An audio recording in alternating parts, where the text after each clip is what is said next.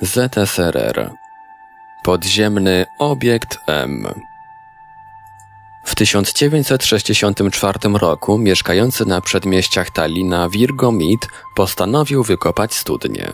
Podczas prac natrafił jednak na metalową przeszkodę, która wydawała się nie do pokonania. Wydobywszy z dna wykopu kilka odłamków przedmiotu, zgłosił sprawę naukowcom, rozpoczynając paranormalną sagę. Kilka metrów pod jego posesją wykryto zagadkową metalową płytę nazwaną obiektem M, która miała wywołać szereg dziwnych, często przerażających efektów. Finał sprawy okazał się zaskakujący. Opowieści o zagadkowym obiekcie spoczywającym w ziemi w okolicach Tallina powtarza się po dziś dzień. Gazety nadal wspominają o tej sensacyjnej historii, czasami prześcigając się w rewelacjach. Jedni mówią, leży tam latający talerz, który uległ awarii, może przemieszczać się pod ziemią, lepiej tego nie badać. Drudzy odpowiadają, to nadajnik obcych i nie należy go ruszać, bo będzie źle. Na różnego rodzaju konferencjach ufologicznych przekazywano sobie z ust do ust makabryczne opowieści o tym, w jaki sposób obiekt mścił się na badaczach. Jednemu sparaliżowało rękę, drugi zmarł, co tak naprawdę spoczywa w ziemi pod Tallinem. Czy w tych koszmarnych relacjach, z lubością powtarzanych przez dziennikarzy, kryje się jakieś ziarno prawdy? Co znalazł Virgo Mead? Wszystko zaczęło się wiele lat temu w Meriviali na przedmieściach Talina, obszarze niedaleko Zatoki Tallińskiej. Na cichej zielonej ulicy Houbekuse stał i stoi do dziś dwukondygnacyjny dom z przyległym sadem należący do Virgomita i jego żony Vivike. W 1964 roku po zbudowaniu domu gospodarz zaczął myśleć o wykopaniu studni. Na głębokości 6,5 metra łopata uderzyła w coś twardego. Nie pomógł łom, a gdy mężczyzna starał się obkopać przeszkodę, okazało się, że zajmuje ona bardzo dużo miejsca. Zdenerwowany Mit nie miał zamiaru się poddać. Niebawem na Hołbekusy zachurkował dźwięk młota pneumatycznego, który przebił się przez przeszkodę. Okazało się, że była to płyta o grubości 2,5 do 3 cm. Miejsce niebawem zalała woda. Mężczyzna właśnie tego pragnął. Nie zapomniał jednak zabrać stamtąd kilku kawałków dziwnego obiektu, które wykonane były z metalu. Pewnego dnia Mead o swoim znalezisku poinformował chemika Hajkiego Karika. Zaintrygowany uczony postanowił poddać znaleziony w wykopie materiał analizie na Politechnice Tallińskiej. Ponieważ nie kwapiono się z badaniami, oddał próbki do Instytutu Geologii Akademii Nauk ZSRR. W ten sposób tajemniczy metal znalazł się na biurku zastępcy dyrektora do spraw nauki Herberta Widinga, który bardzo zainteresował się znaleziskiem i wkrótce pojawił się w Meriviali. Należy wspomnieć, że rodzina mitów korzystała już wtedy ze studni przez piąty rok. Zaradny gospodarz wzmocnił jej ściany betonem. Widing dysponował jedynie kawałkiem obiektu i zagadkową opowieścią o tym, jak został on wydobyty. Wstępna analiza metalu wskazywała, że składał się on z żelaza. Analiza spektralna wskazała na śladowe ilości tytanu, chromu, niklu i kobaltu oraz innych pierwiastków. Badacze doszli do wniosku, że fragment znaleziony w dole musiał pochodzić z bardzo niezwykłego stopu. Zdecydowano, że badania nad spoczywającym w dole obiektem będą kontynuowane. W 1969 roku Instytut Geologii zdecydował się na badanie magnetometrem. Uzyskano potwierdzenie, że pod posesją znajduje się warstwa metalu i choć nikt nie mówił jeszcze o latającym spotku, wydawało się to niezbyt normalne. W następnym roku Rada Geologiczna Estońskiej SRR przeprowadziła cztery odwierty mające potwierdzić istnienie metalowej płyty.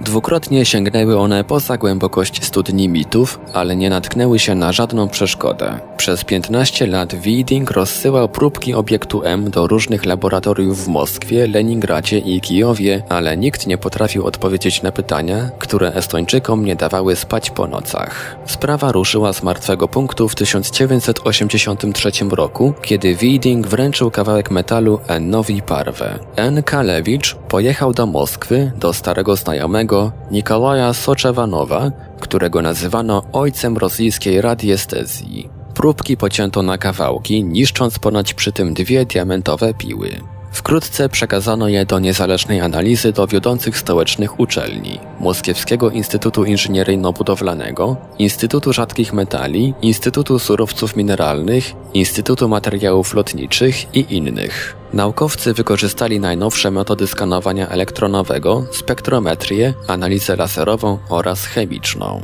Uprzedzając fakty, zaznaczę, że właśnie to zaważyło na wypaczeniu wyników. 3 lutego Instytut Materiałów Lotniczych wydał wniosek, iż nie wiadomo nic o tym, aby podobne stopy metali stosowano w technologiach lotniczych. Z pewnością charakteryzuje je wielka odporność na wysokie temperatury, a także mieszanki żrących kwasów o dużej koncentracji. Temperatura topnienia nie powinna przekraczać 1200 stopni Celsjusza. Akademik Obrazcow oraz profesor Jelkin z MISI doszli do wniosku, że stopmita to kompozyt wzmocniony włóknami wapienno-żelazowo-krzemowymi, którego matryca wygląda jak metaliczne szkło. Po tak sensacyjnym wniosku Soczewanow zdecydował się odwiedzić odwiedzić Tallin. Virgo Mit był już jednak w tym czasie poważnie chory i przykuty do łóżka. Po analizie radiestezyjnej specjalista doszedł do wniosku, że pod posesją spoczywa talerz o średnicy około 15 metrów. Głębokość określono na 3 do 7 metrów. W centralnej części obiekt osiągał wysokość 4 metrów, zaś szacunkowe dane wskazywały, że mógł ważyć około 200 ton.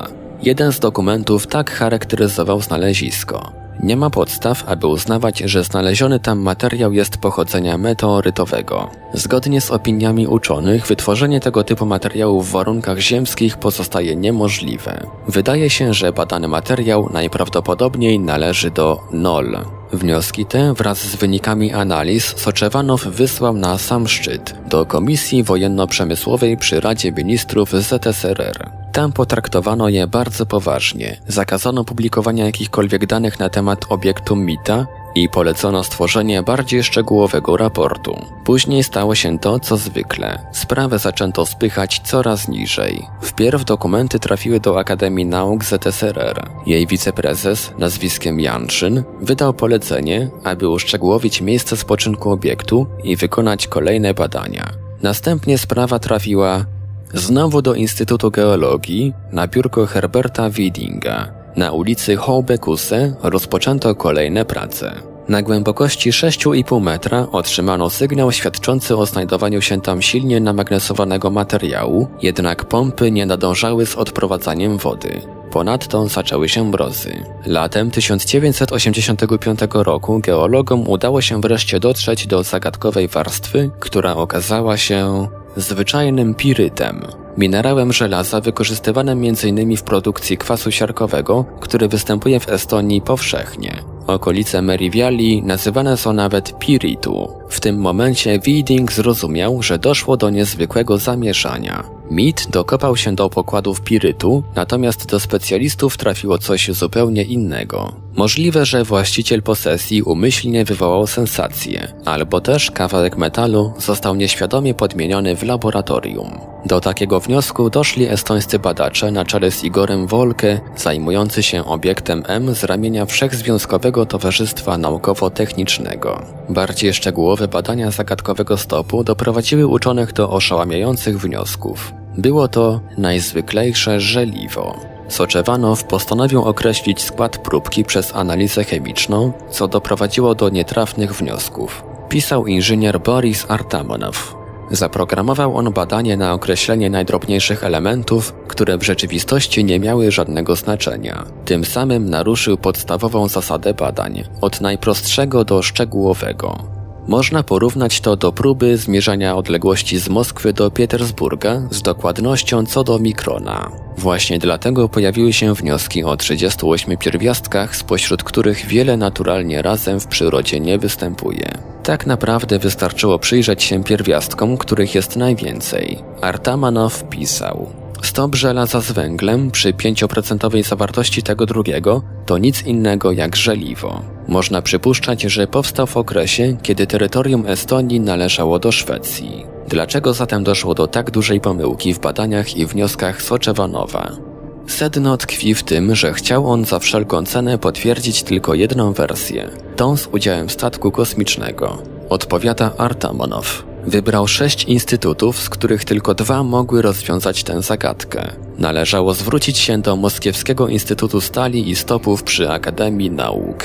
Teraz kilka słów o doborze konsultantów. Jednym z nich był Obrazcow, akademik, były minister edukacji Rosyjskiej Federacyjnej SRR, który specjalizował się w konstrukcjach rakietowych. Jemu oraz fizykowi profesorowi Jelkinowi przedstawiono do analizy mikrofotografię. Obrazcow, jako inżynier rakietowy nie pracujący nigdy z żeliwem, lecz z materiałami kompozytowymi, natychmiast rozpoznał je w próbkach obiektu M. W jego wniosku figuruje określenie tytan żelaza, co jest podobnym absurdem jak srebro ołowiu. Nic dziwnego, że takie podsumowania doprowadziły Soczewanowa do spekulacji na temat egzotycznych technologii, które miał kryć obiekt z podwórka mitów. Jeśli myślicie, że na tym skończyła się historia obiektu M, to głęboko się mylicie. Wkrótce ciężko chorego Virgo Mita oraz jego małżonkę zaczął nawiedzać dobrze znany w kręgach ufologicznych Aleksander Dejew. Jego działalność nieraz wzbudzała uwagę organów ścigania. Ten były oficer został w 1976 roku relegowany z armii przez sąd wojskowy za bezprawne leczenie.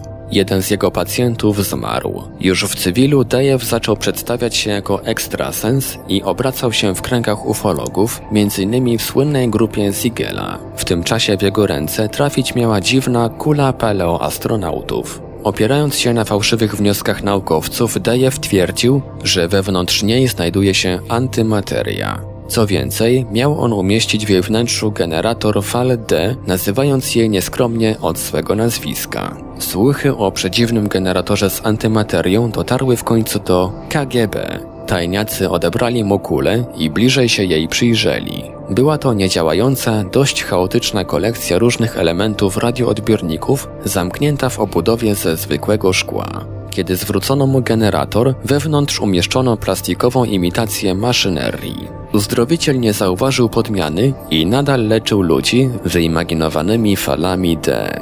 W 1983 roku Dajew znowu trafił przed sąd z powodu śmierci pacjenta, którego leczył falami, za co pobrał 12 tysięcy rubli. Uzdrowiciel czasami diagnozował śmiertelne choroby u zupełnie zdrowych ludzi.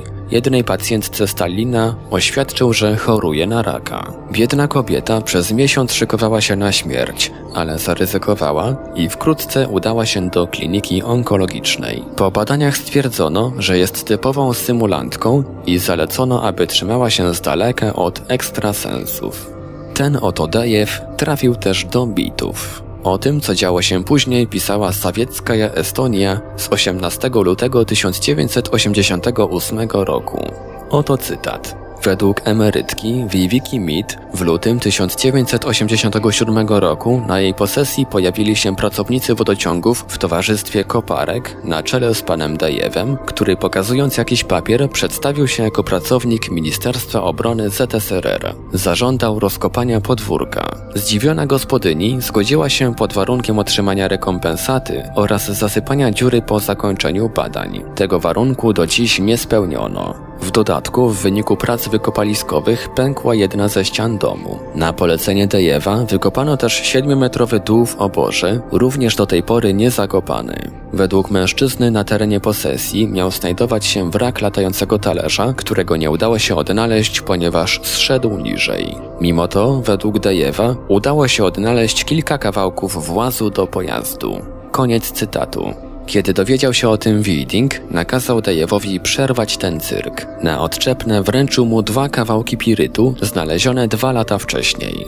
Ekstrasens rozpoznał w nich rzecz jasna fragmenty skrzydeł UFO. Jakim cudem udało mu się sprowadzić do mitów robotników i koparki? Bardzo łatwo. Powołał się na jednego z sekretarzy Komitetu Centralnego Estońskiej Partii. Co więcej, Dajew wybrał się do Rady Ministrów Estońskiej SRR, przedstawiając rozkaz z tajnej jednostki wojskowej. Nie wiedziano jeszcze wówczas, że już dawno wyrzucono go z wojska. Po rozkopaniu podwórka babci Wiejwiki, Dejew zainstalował się w jej domu, zawłaszczając sobie jeden z pokoi, który zastawił dziwacznymi przyrządami posiadającymi oznaczenia składające się z liter i cyfr. Pod komendą Dejew miał 14 osób, rzekomych wojskowych. Gospodyni nie wolno było wchodzić do pokoju. Donosiła im tylko herbatę. Tymczasem, nie wytrzymując zmian w swoim otoczeniu, po cichu zmarł Virgo Mead. W dokumentach autorstwa Dejewa znajduje się informacja nie o jednym, ale dwóch obiektach z podwórka mitów. A01 to metalowy obiekt w kształcie elipsy o rozmiarach 17 na 12 na 3,5 metra. A02 metalowy obiekt w kształcie elipsy o rozmiarach 9 na 4 na 3,5 metra. Nie trzeba jednak dodawać, że oprócz kilku kilogramów pirytu grupie Dejewa nie udało się nic wydobyć. Przedsiębiorczy ex-oficer założył jednak spółkę Ruswan, która miała produkować cudowne generatory wypełnione proszkiem z latających talerzy, czyli niczym innym jak pirytem. Otrzymawszy poparcie od jednego z urzędników partyjnych, Juszkina, Dejew całkiem zbezczelniał i oświadczył publicznie, że jego generatory pozwalają na zaoszczędzenie 30 do 50% paliwa, zamieniają miedź w złoto, leczą AIDS, raka i w ogóle wszystkie choroby. Jednocześnie obiecał z ich pomocą oczyścić port w Talinie z ropy, jak też podwoić wydajność jednego z pobliskich kołchozów. W świadomości ufologów historia obiektu M obrosła fantastycznymi legendami opowiadającymi m.in. o poltergeistie w domu mitów lub tajemniczym promieniu, który wypalił krzyż na piersi jednego ze współpracowników Dejewa. We wrześniu 1988 roku zmarł Herbert Wieding. W tym samym czasie zrobiono porządek na podwórku Viviki Mead. Doły zakopano i posadzono na nich rośliny. Rok później zmarł drugi bohater tej historii, N. Parve. Mimo iż obaj panowie byli w podeszłym wieku, fanatyczni ufolodzy winą za ich śmierć obarczają obiekt M. Ostatecznie w październiku 1989 roku na posesji mitów pojawili się pracownicy Tomskiej Politechniki i Instytutu Geologii i Geofizyki. Sądując glebę najprostszymi metodami ustalili to, co było od dawna wiadome. Żadnych anomalii tam nie ma i nie było. W latach 90. wezbrała nowa fala zainteresowania obiektem M. Dziennikarze prześcigali się w pisaniu niewiarygodnych bzdur na ten temat, które ukazywały się nawet w głównych tytułach prasowych. Póki media karmić będą swych odbiorców tanimi bajeczkami, w domu Wieki Mit spokoju nie będzie. Autor Michał Gerstein Tłumaczenie i opracowanie Portal Infra www.infra.org.pl Czytał Ivelios O autorze Michail Borysowicz Gerstein to rosyjski ufolog i publicysta, przewodniczący Komisji Ufologicznej przy Rosyjskim Towarzystwie Geograficznym. Publikował m.in. w takich magazynach jak Anomalia i Nexus, którego rosyjskie wydanie współredaguje.